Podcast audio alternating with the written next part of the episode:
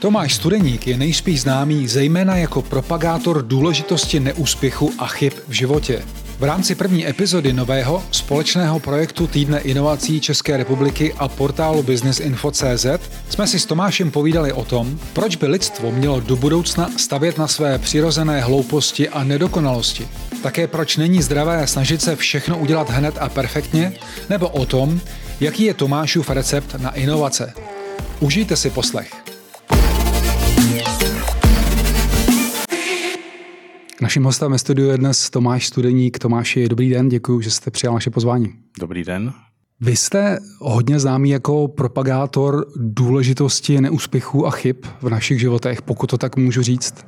A nezobecňoval bych to jenom na profesní kariéru z toho, co jsem četl eh, vašich materiálů. Ale přesto mě překvapil název přednášky, kterou, nebo semináře, který povedete v rámci hlavní události týdne inovací, který která proběhne 10. října. A ten název zní Přirozená hloupost jako motor inovací. Prozradíte, v jakém smyslu může být hloupost motorem inovací? Tak ten název eh, je samozřejmě takový clickbait, protože všichni čekají, že to bude umělá inteligence jako Jasně. motor inovací a dneska má člověk pocit, když si otevře jakoukoliv sociální síť nebo médium digitální, tak všude umělá inteligence, umělá hmm. inteligence buď zničí svět, zachrání, postaví nám biznis, vymyslí nám biznis, vymyslí nám život, Jasně. napíše nám všechno.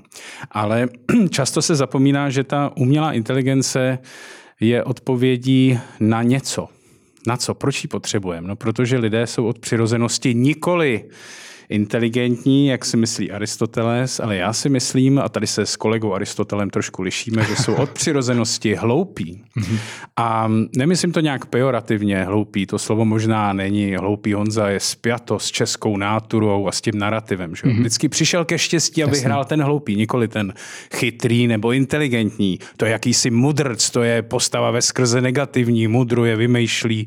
Prostě ne, to je ta přirozená selský rozum někdy, nebo ta hloupost a já to beru tak, že aby vůbec eh, měla nějaká inteligence smysl, umělá, tak nejdřív musí být někde ta přirozená hloupost, nějaký problém, někde, kdy narazíme, kdy se mm-hmm. něco nedaří, mm-hmm. kdy nejde, kdy se to všechno rozsype a najednou se zastavíme, ha, proč to nejde, potřebujeme inteligenci. Takže já si myslím, že musíme vycházet z toho, jak lidé jsou spíš hloupí, jak jsou stádovití, všichni teď umělá inteligence, naskakujeme, investujeme, ale třeba to bude zase jako bublina, jak máme pokřivené mozky, uvažování, nejsme racionální bytosti, jsme prostě někde od někud eh, evolucí, vyvinutí z z mm, nějakých eh, mloků, dejme tomu. A je to tak, že eh, spíš než racionální argumenty potom si usnadňujeme život, zvyky, eh, chceme slyšet jenom pozitivní, bráníme se negativnímu, myslíme si, že jsme něco víc než ostatní, že na nás záleží a tak dále a tak dále. Čili jsme hloupí tisíce způsoby a eh, v té svojí přednášce chci zdůraznit, že toto je ten počátek nějakého nového inovativního řešení. Ne se zaměřovat na umělou inteligenci nebo lidskou inteligenci, těžko už definovat, co to je, ale podívat se spíš na to, jak jsme a vždycky budeme oproti strojům hmm. hloupí a tam podle mě řeší, eh, leží jádro budoucích úspěšných startupů, budoucích unicornů, budoucích úspěšných inovací. Takže je to vlastně v širším smyslu to vaše základní téma. To znamená, mně to přišlo i z četby vaší knihy, kterou můžeme za chvíli představit, eh, že je to jakýsi pokus o to podívat se na ty věci z jiného pohledu, z širšího pohledu a hledat tam trošku jiné věci, než možná eh, vypadají na první, na první pohled. Chápu to správně? Přesně tak. Já jsem se třeba díval na eh, způsob, jak vznikla celá řada technologických inovací a, a má to prapůvod ve válce, mm-hmm. v armádě, v nějakém konfliktu. Eh, jak eh, říká Herakleitos, eh, boj je otcem a vládcem všeho, tak stejně i inovací. A když se podíváte na to, co vzešlo z válek a z celého úsilí, tak asi vás napadne internet, napadne vás možná suchý zipy a podobně. Čili už to, že něco vzniklo z války, která je podle mě veskrze hloupá, hloupá záležitost. Těžko říct, že to je hmm. inteligentní řešení rozporu. Neznám nikoho, možná znám pár jedinců, kteří řeknou, že, že ano, ale jinak si myslím, že to je veskrze hloupá věc. A už, eh, ale když se podíváte, kolik se do ní investuje v minulosti, současnosti a bude čím dál tím víc, hmm. tak eh, to, co z ní vypadne nakonec, je vlastně výsledkem veliké hlouposti, ale jsou to věci, které potom používáme naštěstí i k jiným, eh, k jiným um, účelům. Další věc, co si myslím je takový mýtus, že ta inteligence nějak souvisí s jakýmsi soustředěným úsilím něco řešit, nějaký problém, něco zapeklitého a že člověk musí aplikovat všechny své dovednosti, ty své šedé buňky nějakým strukturovaným, mm, koncentrovaným způsobem něco vyřeší a je chytrý.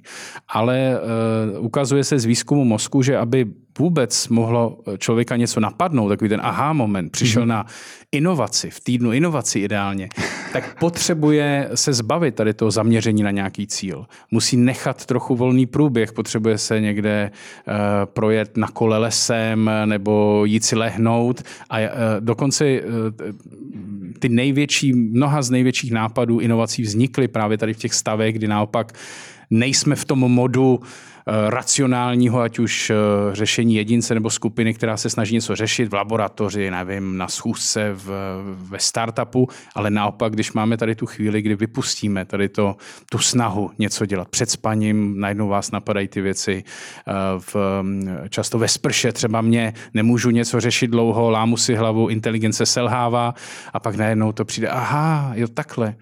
Takže ta, to přesvědčení, že ať už to bude umělá inteligence nebo lidská inteligence a budete neustále se snažit něco nového vymyslet a inovovat, tak uh, není, uh, takhle nefunguje. Je to vždycky v nějakém opozici nebo jako odpověď hmm. na tu stránku, která je bez cíle, nezaměřená, volná, možná někdy hloupá, stupidní. A uh, o tom ta přednáška bude, že nemá ultimátně nebo v základu nemá cenu se podívat na umělou inteligenci a všechny nástroje bez toho, aniž, bychom, aniž bychom pochopili, co se snaží zlepšit, kde ten náš život. Mm-hmm. Jak můžou pomoct tomu to, jak jsme vyrobení, eh, jak nás evoluce možná blbě, možná dobře, evoluce nemá inteligenci, nikam nejde, nic neví, netuší, jak nás udělala, tak já si myslím, že bychom, a čím dál tím víc v budoucnosti, jak ty technologie a ty umělé virtuální světy a umělé inteligence budou vznikat, se měli zaměřit na tom, že jsme z masa a kostí, hmm. že se bojíme, že máme hlad, že chceme, toužíme po lásce, toužíme pouznání, jsme poseroutkové, jsme hlubci, jsme stádovití, ale to se nezmění. To pořád budeme a tam si myslím, že, že je třeba napnout cíly v inovacích. Mm-hmm. A ještě zůstanu u toho semináře. Vy tam v rámci anotace k tomu semináři píšete, že mimo jiné tam taky představíte nějaké fascinující příběhy toho, jak tvůrci dějin využili svá selhání eh, jako odrazový můstek k budoucím úspěchům. Vy o tom hodně píšete, mluvíte. Je nějaký jeden příběh, který vás fascinuje nejvíc? Tak eh, to není jeden. Když se podíváme na velké osobnosti, tak já uh, říkám, a to je spíš příklad, který je známý, já si myslím, že právě musíme posluchače motivovat se podívat na ten seminář. Nechci prozradit všechno, ale například uh, už to, jak um, Galileo um, nebo Newton přišel na zákon gravitace, tak taky uh, je to sice báchorka, hmm. ale nebyl v uh, laboratoři na Trinity College, kde by něco intenzivně řešil. Jo? Šel si lehnout pod strom a najednou mu to došlo, když mu spadlo. Stejně tak um, Uh, August Friedrich Kekule, zakladatel organické chemie, tomu se dokonce zdálo uh, ta, to jádro benzenový, jako jakýsi had, který si požírá svůj vlastní ocas. Takže to jsou momenty, kde se ukazuje, že ta inteligence bez vlastně tady těch jakoby nudných, jako když byste se báli nudy a někde si ani nechtěli odpočinout chvíli jen tak přemítat, koukat na oblaka jako Newton, kdybyste pořád se báli prokrastinovat, no tak nakonec tady ty momenty nevzejdou. A samozřejmě těch případových studií je, je víc. Já si myslím, že na semináři se dostaneme k něčemu, co se víc týká biznisu hmm. nebo uh, toho, uh, co většinu, myslím, návštěvníků týdne inovací bude zajímat, ale je to, je to podobný princip. To znamená, jakmile předpokládáte, že jsou lidé inteligentní, inteligentně se směřujete za nějakým cílem, tak čím více snažíte, tím spíš toho nakonec paradoxně nedosáhnete. Týden inovací je největší tuzemská událost v oblasti inovací, průlomových technologií a originálních řešení z různých oborů. Pravidelně už 8 let představuje špičkové osobnosti ze světa i domácí scény a také prezentace inovativních projektů z oblasti moderních technologií a umělé inteligence. A to v rámci své hlavní události, která se skládá z mezinárodní konference, inovačního veletrhu a inspirativních seminářů. Součástí týdne inovací je také celá řada doprovodných událostí v mnoha českých městech. Vy hodně veřejně vystupujete, ať už jsou to různé semináře, přednášky a tak dále. Dokázal byste říct dvě, tři věci, které na těch seminářích, když mluvíte o neúspěchu a jeho významu eh, pro náš život. Dokázala byste říct dvě, tři věci, které eh, těm lidem radíte nebo doporučujete nejčastěji? Dal by se to takhle zhutnit, nebo je to příliš zjednodušující? Co vám třeba přijde jako nejdůležitější, když bychom to takhle vzali kolem a kolem?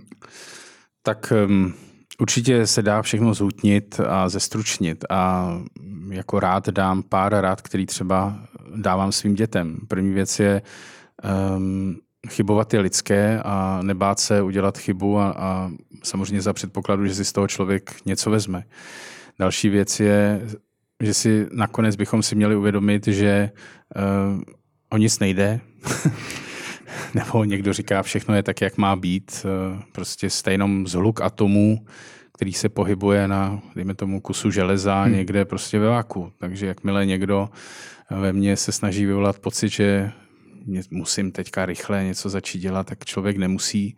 Zrovna dneska eh, ráno na mě vyskočil příspěvek někde na Instagramu, že eh, Hugh Jackman, eh, herec, který mimo shodou okolností učil tělocvik na škole, kde jsem studoval na střední. tak Hugh Jackman, to znamená, je vidět, že i tělocvikář může změnit kariéru zcela uh, zásadně, tak ten říká, že jeho pravidlo je, že jede jenom na 85% ve všem. A ta doba, která neustále mě nutí něco dělat, něco se snažit, dodělat, dotáhnout, dostat na trh, čím dál tím víc rychleji. Pořád eh, vidím, jak eh, někde jsou nějaký IPO, valuace, investice, tak mě nutí všechno se snažit jakoby dotáhnout do maxima. A je zajímavý a myslím, že to je velmi užitečný, že někdo řekne, podívejte, já ve všem jedu na 85%. To neznamená, že by to bylo horší, ale mám tam pořád ještě 15% pro sebe. A to, že lidi budou se hroutit ze všeho, speciálně z té digitální doby, která je strašně rychlá, strašně uh, nekompromisní vůči nějaký prodlevě a zaváhaní, tak uh, myslím, že je hrozně důležitý, aby vždycky každý z nás, pokud chce žít, nejenom něco přežít nebo užít, tak by si měl nechávat nějakou rezervu, těch 15% aspoň. To je asi hrozně těžký i v tom, v tom tlaku, který, o kterém jste sám mluvil. Tam podle mě musí být nějaký cílený krok, někde to mít neustále napsaný, nebo si to nějak neustále připomínat, aby člověk na to nezapomínal. Protože jinak asi z toho soukolí moc, moc eh, nevy, nevyběhne. Jak vy to děláte? Tak já jsem eh, se k tomu dostal pokus omyl metodou, takže jsem si prošel eh, samozřejmě stádium, kdy člověk tomu dával. Myslím, že se to nedá úplně jednoduše přijmout, je to změna chování, vždycky je jednodušší změnit názor nebo postoj, ale hmm. to, jestli člověk začne reálně něco dělat jinak, je vždycky těžký. Určitě o tom existuje spousta literatury, jsou na to povolanější lidé. Já osobně jsem využil příležitost té covidové eh, doby k tomu, že jsem si zkrátil pracovní týden, aspoň. Takže hmm to je třeba můj způsob a snažím se nepracovat po páté hodině. A byl to, byl to dobrý krok? Hodnotíte to teď zpětně? Určitě, určitě. Já si myslím, že není všemu konec, že se dá ještě někde uh, ustřihnout. Mm-hmm.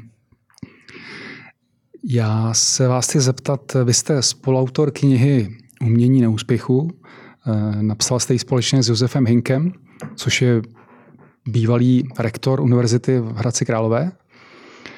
A já jsem nečetl ji celou, ale část, část ano a přišlo mi to, že je to takový hodně jako psychologický pohled na ty věci a zase jako náhled na ta témata, pokus o náhled na ta témata z jiných úhlů, možná určité odlehčení těch témat. E, tak jestli to, jestli to vnímám správně, nebo co bylo e, cílem té knihy? Tak ta kniha, já jsem si ji sebou přinesl, no takže pokud nás posloucháte jenom zvukově, tak si rychle zapněte tu obrazovou verzi, kde ji uvidíte. Je to, je to knížka, na které jsme pracovali, nebo jsme se ji rozhodli dát dohromady po tom, co jsme začali učit eh, vědu o selhání jako jednosemestrální kurz. Mm-hmm. A přišlo nám, že ty myšlenky, ty diskuze byly tak zajímavé, spíš jako obecnějšího charakteru vstaženého nejenom na business život, ale na to, jak se nepodělat mm. z té doby, jak si zachovat zdravého ducha a to, že jsou všichni kolem úspěšnější zdánlivě, takže to, ne, to tak asi není a že bychom se tomu neměli tak tak hroutit z toho, tak jsme sepsali tady tu knížku, která je taková popularizační, aby byla čtivá i pro někoho, kdo eh, se neorientuje v všech teoriích a odborných pojmech a záměrně je to napsané jako tou ich formou, čili z perspektivy i občas osobního, osobního života. A je to o fenoménech, jako je ta ehm, ten diktát úspěchu, to znamená, musíš být úspěšný, je to uh, diktát statusu, člověk jako chce být úspěšný, aby měl nějaký status, aby prostě všichni čuměli, co teda v životě dosáh a všem to nandál a podobně. A uh, fenomén dokonalosti, takové to za každou cenu ty věci dotáhnout a člověk jak Hugh Jackman se nebojí 1,85%, ale uh, spousta dětí, včetně mých, jsou ze školy drillovaní, že když to je, musíte být bez chyby, hmm. jinak tu jedničku nemá, jinak jako selhali.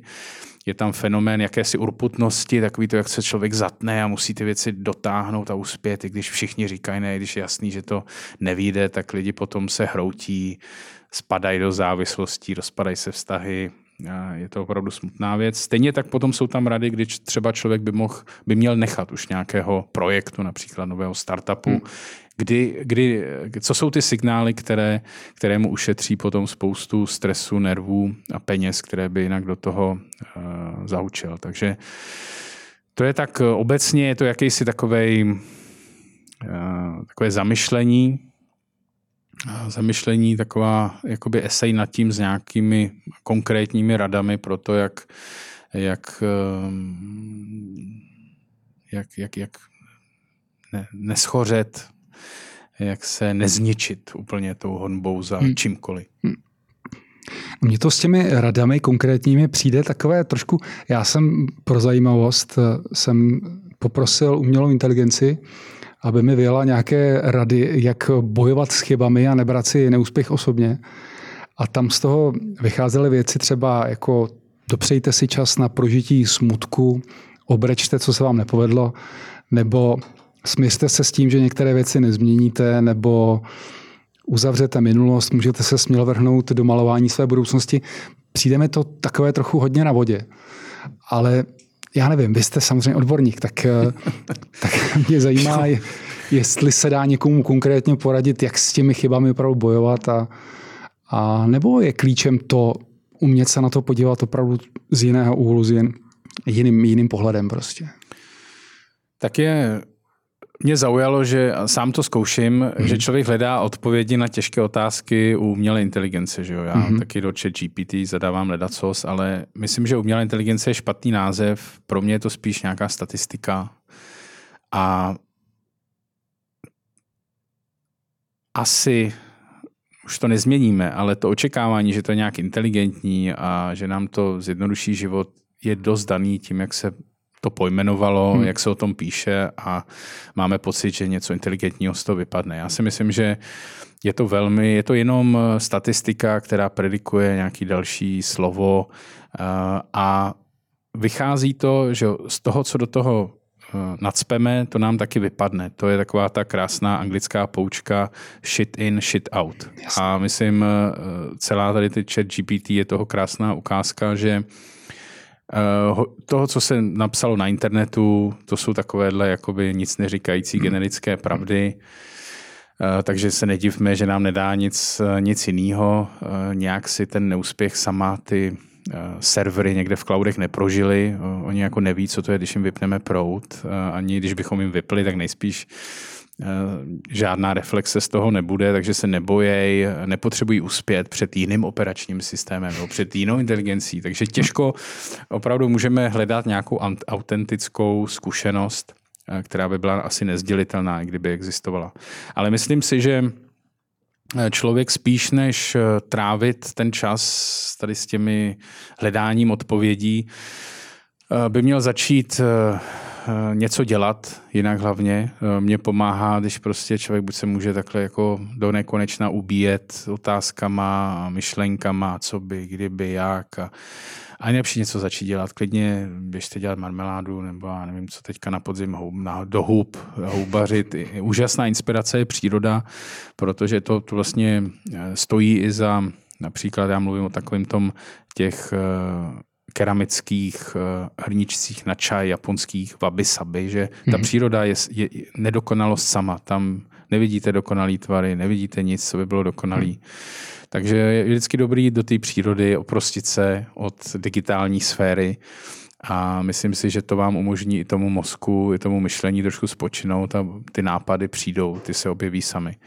Takže to je asi taková moje odpověď tady na všechny jiné odpovědi inteligentní že jakmile budu sedět u počítače a budu prostě si tím lámat hlava, budu si s ním psát, tak dopadnu jenom hůř, budu se cítit ještě ve větší depresi a, a budu ještě budu mít blbý, blbej zrak, takže běžte ven, běžte někam mimo. Businessinfo.cz to je zdroj ověřených zpráv, návodů a rad nejen pro podnikatele. Co všechno u nás najdete?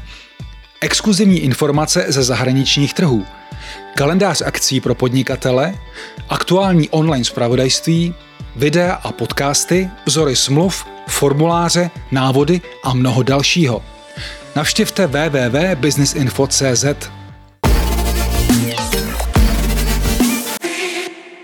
Vy jste označován za experta na inovace za průkopníka kreativní umělé inteligence jsem, jsem četl, to je možná to, o čem jste teď mluvil, a taky za radikálního inovátora.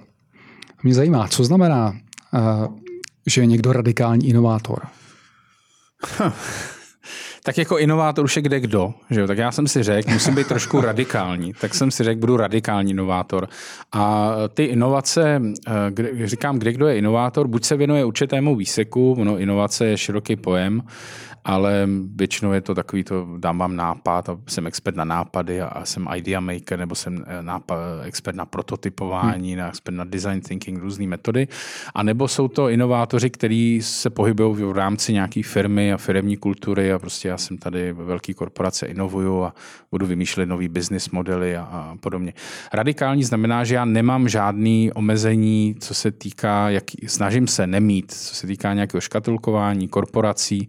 Mně si občas najmou korporáty nebo firmy na to, abych právě tam nesl tady ten vnější, úplně nezatížený jakoukoliv politikou hmm. pohled. Je to něco, co Uh, už eh, americká armáda dělá od doby, od útoku na Pearl Harbor, kdy zjistili, že ta oficiální strategie, jako mám korporaci, která má i svoji vlastní inovační strategii, ale ta doba je natolik jiná, ta krajina se mění, že i ta schválená oficiální inovační strategie nemusí přinést to, co se čeká a proto my jdeme jako v té armádě mají ten modrý tým, to je ta oficiální vojenská linie, kde jsou pod velením v rámci armády standardní a my jdeme jako červený tým, který je mimo, nemá žádný pravidla, nikdo, nikdo neví co a jak a snažíme se vlastně najít cestu úplně, uh, úplně jinou. Takže se inspirujeme uměním, inspiruje se, bavíme se hodně s teenagery, Eh, eh, snažíme se zjistit, co ta TikToková generace přinese na další biznis, eh, věnujeme se umělé inteligenci, jiným technologiím. Prostě ta inspirace může být, může být kdekoliv. A máme na to takový, jak říkáme, hackerský přístup.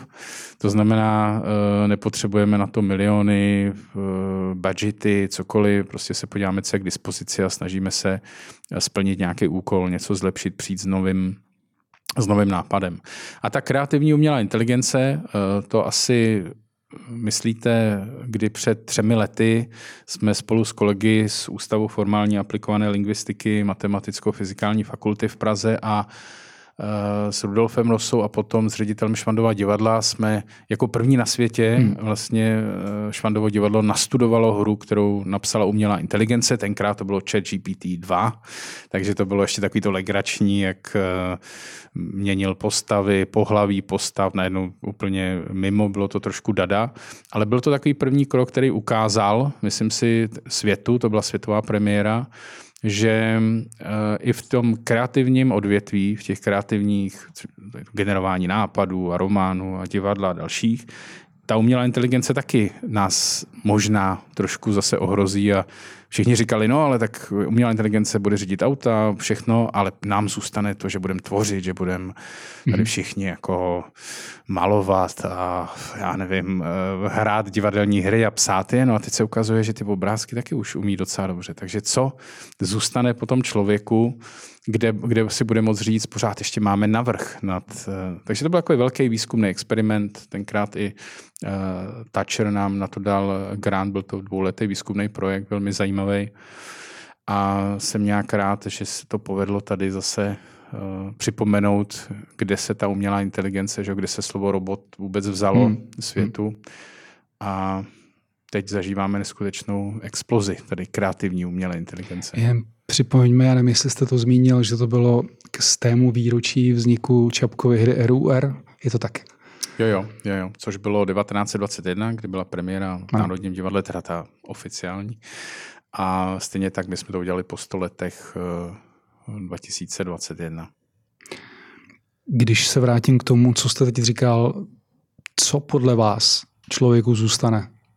Mluvil jste o tom, že se no ukazuje... ta hloupost, ta stupidita, že jo, protože uh, je to tak, že umělá inteligence a už bude schopná psát, bude možná dělat lepší scénáře filmů, lepší filmy, lepší obrázky, uh, takže tam člověk už nebude mít šanci. Um, co nám zůstane, je ta hloupost. Takže my budeme pořád mít ten mozek postavený jinak, než, než ho staví tady někde, já nevím, inženýři z MIT, že to je dokonalý všechno a jasný.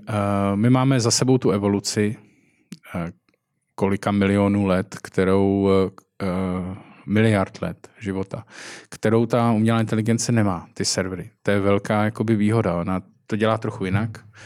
A to, co je ten náš asset, jak se říká že jo, v těch investicích a to, co je ten náš, to naše aktivum, je tady ta evoluce. To, že jsme prošli od nějakých, nevím, nějakých nálevníků nebo co krystalů, který se začaly hejbat až sem, tak to je ta naše síla. Hmm. Samozřejmě to je to, že ty mozky nám fungují trochu jinak, to je to, že máme emoce, že se bojíme, že jsme prostě, že furt s někým se musíme jakoby bojovat a ale je, máme hlad, žízeň, takže to je něco, co nám zůstane. Já si myslím, že ta, ta hloupost to, že jsme smrtelní, to je další jakoby velký fenomén, je něco, co někdy ta umělá inteligence nás v tomhle ne, ne, nepřečí, nepochopí a e, měli bychom na tom, e, na tom stavět.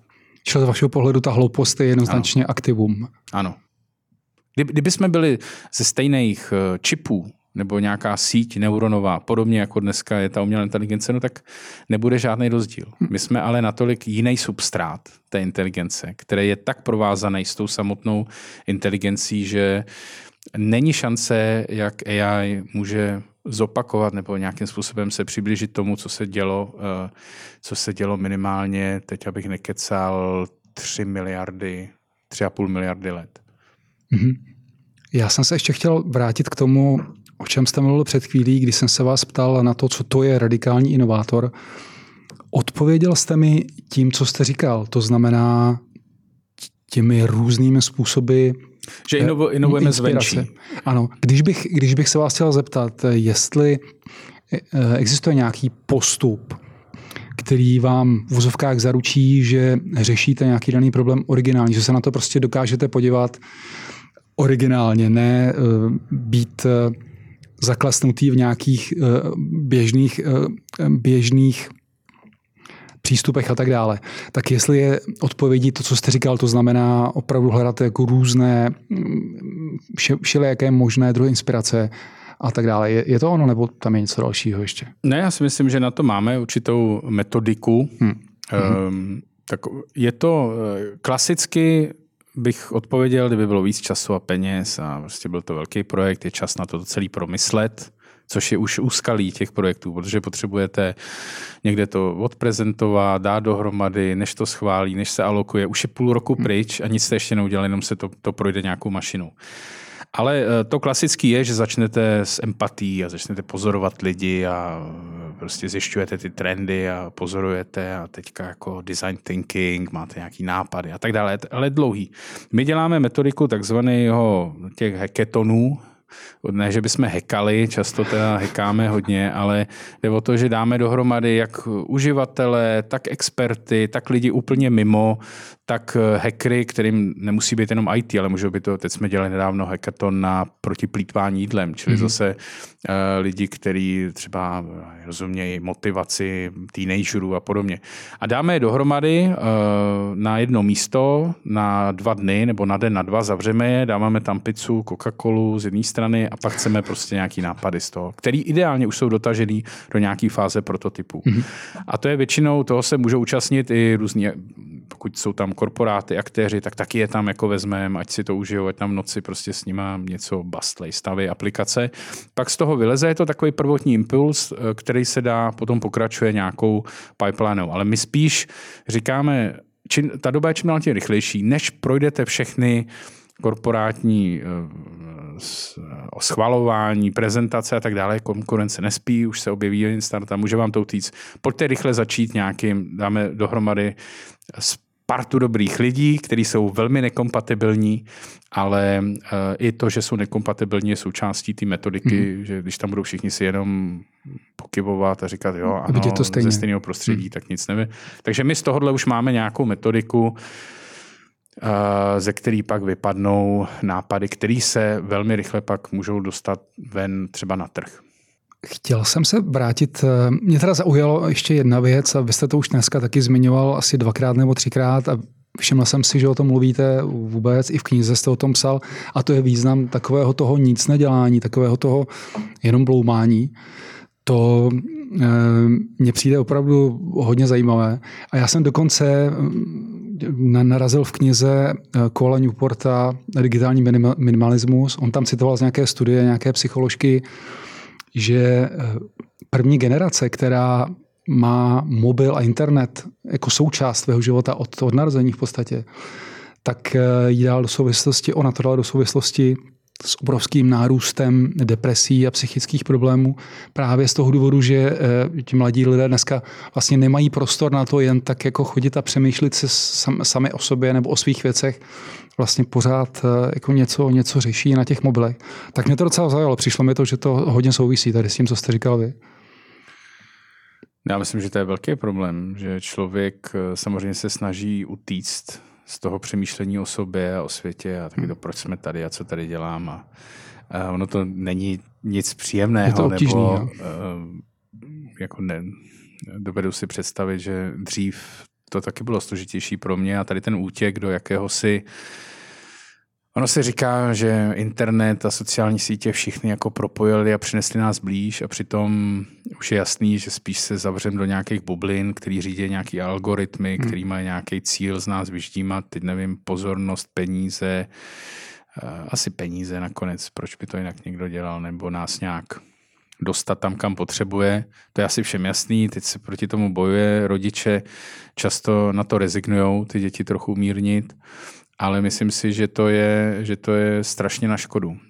Ten digitální svět, to, to, to jak jsou všichni zhrbený u těch, u těch mobilů, hmm. usínají s nima, probouzej se s nima, je to ta nejdražší věc, o kterou jako nemůžou přijít. Kdybych jim vzal mobil, tak já nevím co, tak je to ta nejhorší věc, co se může stát. Ale bude to mít svou daň, je to stejný jako, já nevím, když si pamatuju, když přišly samozřejmě počítače, mobilní telefony, člověk najednou začal, přestal si pamatovat telefonní hmm. čísla, hmm. jak si ty mobilní telefony se z nich staly inteligentnější, veškeré svoji agendu, úkoly, tam jsem nahrál, už vůbec vlastně nevím, co dělám, aniž bych se podíval, co mě čeká do mobilu, takže je to něco, co nám má usnadnit život, ale to, jak nám to vytváří nějakou virtuální novou realitu, kde si myslíme, že ty lidi, který tam vidíme, jsou skutečně od nás, já nevím, několik centimetrů, 30, půl metru, tak vlastně nejsou, jsou hmm. strašně daleko a i o tom v té knize píšeme, že pro nás jsou významný v životě tak cirka 150 lidí maximum a to jsou lidi, se kterými něco jako děláme společně, známe je, zažíváme jako v tom reálném světě. A najednou, jak se nám ten pocit té blízkosti, který teďka třeba mám tady s váma, že jo, já nevím kolik, eh, metr, metr něco, metr 20, 30, tak eh, jakmile mám ten mobil, tak je mám ve své intimní zóně a mám pocit, že teda se známe, hmm. oni znají mě, jak já vidím je a je to naprosto jako bezcestná věc. Takže uvidíme, no. Měl, každý by měl dělat, co může proti tomu, aby to mělo nějakou rozumnou míru. Chtěl bych se i vrátit eh, k umělé inteligenci, které jste mluvil. Já jsem z toho, co jste říkal, spíš pochopil, že se na to díváte tak trošku negativně, možná to malinko přeháním, ale nepochybně ji používáte. Eh, já, já myslím, že ne negativně, ale dívám se na ní jako na, Zdravě skepticky. na nástroj, o kterým je třeba vědět, k čemu je dobrý, v čem může pomoct, jak, z čeho, jako, co je za ním to, že člověk eh, přijme velmi jednoduše tohle umělá inteligence, kterou všechno do ní pošlu, hmm. všechno, co mi řekne, je určitě inteligentní, hmm. protože se jmenuje umělá inteligence, nezajímá mě to, jak, jaká pokřivení, jaké ty biasy, jak se říká, tam, tam vznikají, jak je možný, že si, že si vymýšlí, že mi může dát nějaké jakoby informace zcestné, že to, co vygeneruje, já s tím pracuji denně a když, když se snažím třeba zapojit AI do, do psaní nějakých věcí, tak hned člověku je jasné, že to, co se vrátí, je není originální. Je to něco, co je přežvíkané, hmm. je to dobře, je to hodně napsaného, ale není to, uh, není to něco, co by, uh, co by bylo jiné. Je to jenom to, co už tady bylo, akorát trošku semleté uh, a zprůměrované. Je vidět, že ještě skutečně něco, něco nového, nějak mě to neobohatí. Samozřejmě mi to usnadní, já, já vím, že spousta třeba mladých lidí ve škole bude psát bakalářky a práce a já nevím, aby se prostě splnil počet slov, tak eh, s využitím tady těch nástrojů, ale jakmile i tady tu um, tady tu činnost, kterou donedávna dělali sami, rozmýšlet se nad tím, nad každým slovem, trošku být schopen strukturovat své myšlení, jako by pošlou někde do serveru a budou čekat, že jejich vlastní myšlení, jejich vlastní uvažování, argumenty jim bude strukturovat hmm. někde nějaké servery, které jsou naučené z polovině na pornofilmech a z druhé poloviny na nějakých skandálních zprávách, když to zjednoduším, no tak eh, pak ani nechci číst, co dotyčný člověk mi pošle a bude to vykládat bude to považovat za, za sebe sama. A co si myslíte do budoucna? Zůstane umělá inteligence na téhle ty úrovni, nebo se tam dá čekat nějaký výrazný kvalitativní posun? Bude se vyvíjet. Myslím si, že dojde k výrazným posunům a bude čím dál tím těžší odlišit, když budete volat třeba na call centrum, tak nejspíš eh, budete už mluvit jenom ze stroji. Hmm. Objeví se tady v těch aplikacích, kdy ušetří peníze eh, firmám. Ehm, na druhou stranu o to větší bude zájem, si myslím, o služby a o interakce jednak fyzické a jednak digitální, které budou mít razítko jako human only. Jo, že mhm. dopředu, já si myslím, přijdou společnosti, které řeknou, no u nás, když eh, se budete s někým bavit, nebo vás bude vyšetřovat lékař, nebo někdo, hmm. tak to bude určitě, tady máme garanci, že to je člověk a bude to dražší, bude to premium služba, zatímco zbytek eh, bude, eh, bude se odbavovat nějakým, pokud to bude, jako bude možné nějakým automatizovaným strojovým způsobem, což budou ty levnější služby, hmm. dostupnější. Vy na univerzitě Hradci Královém vedete kurz, který, a teď Připomeňte mi název, prosím, toho kurzu. Je to, věda je to o selhání. Věda o selhání, věda o selhání. E, to mě hodně zaujalo. Jaký je zájem o ten kurz mezi, mezi studenty a co je vlastně jeho, jeho smyslem? Co by si oni z toho měli odnést? My jsme s Pepou nebo s profesorem Hinkem, s děkanem fakulty informatiky a managementu na Univerzitě Hradec Králové vlastně udělali tady ten jednosemestrální kurz zatím jednou. Mm-hmm. Pak jsme zjistili, že je o něj takový zájem, že vlastně v tom formátu, jak jsme to dělali, což bylo jak pro studenty univerzity, tak byl otevřený eh, na venek, tak je složité a momentálně zvažujeme, v jaké formě ho udělat, protože je zájem jako i outsiderů, když to tak řeknu, nebo mm-hmm. biznisu, tak i studentů a zvažujeme, že ho uděláme v online formě, eh, a nebo ho začneme dělat i nejenom v Hradci, ale třeba v Praze, kde ta poptávka je, je vysoká. My jsme se dozvěděli o tom, že ten kurz byl hodnocen jako velmi dobře. Studenty. Studenty. Měli jsme ho hodně postavený na praktických případových studií, to znamená, přijel nám tam hosti přednášet, byl tam Lubo Smith z STRV, Tomáš Šebek mm-hmm. s, se svými příběhy o, o selhání lékařském. Takže měli jsme to bylo to hodně prakticky orientovaný a myslím si, že tohle je důležitý, že, že ta teorie, trošku té teorie v, v té knížce, ale je důležité potom slyšet příběhy konkrétních lidí a jejich, jejich zkušenosti. A to si myslím je něco, co um, co se snažím třeba dělat i na Fuck Up Nights, i když Fuck Up Nights eh, tady v Praze už letos skončí. Aha.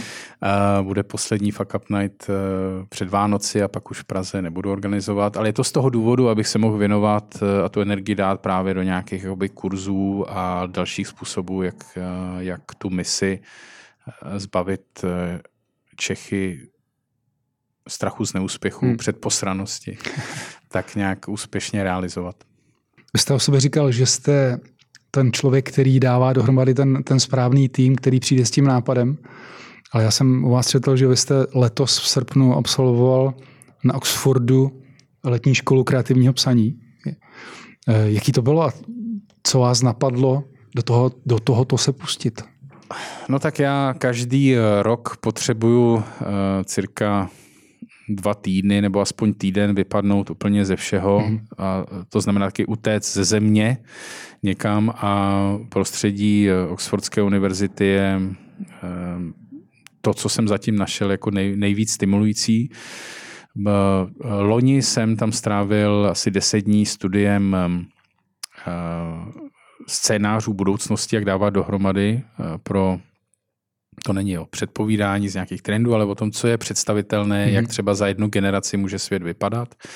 A to jsem potom eh, přivez sem a eh, třeba v, se společností ČEPS jsme eh, dávali dohromady upgrade strategie po roce 2030 na vývoj, rozvoj elektrické přenosové soustavy. No a stejně tak jsem chtěl se posílit tom, jak člověk v, eh, dokáže oslovit anglosaský trh a psát v angličtině a potkat zase úplně jiné lidi, protože si myslím, že eh, storytelling má pravdu v tom, že když chce člověk něco říct, musí to mít nějaký, nějaký příběh a když chcete oslovit hodně lidí, musíte psát v angličtině nebo mluvit v angličtině.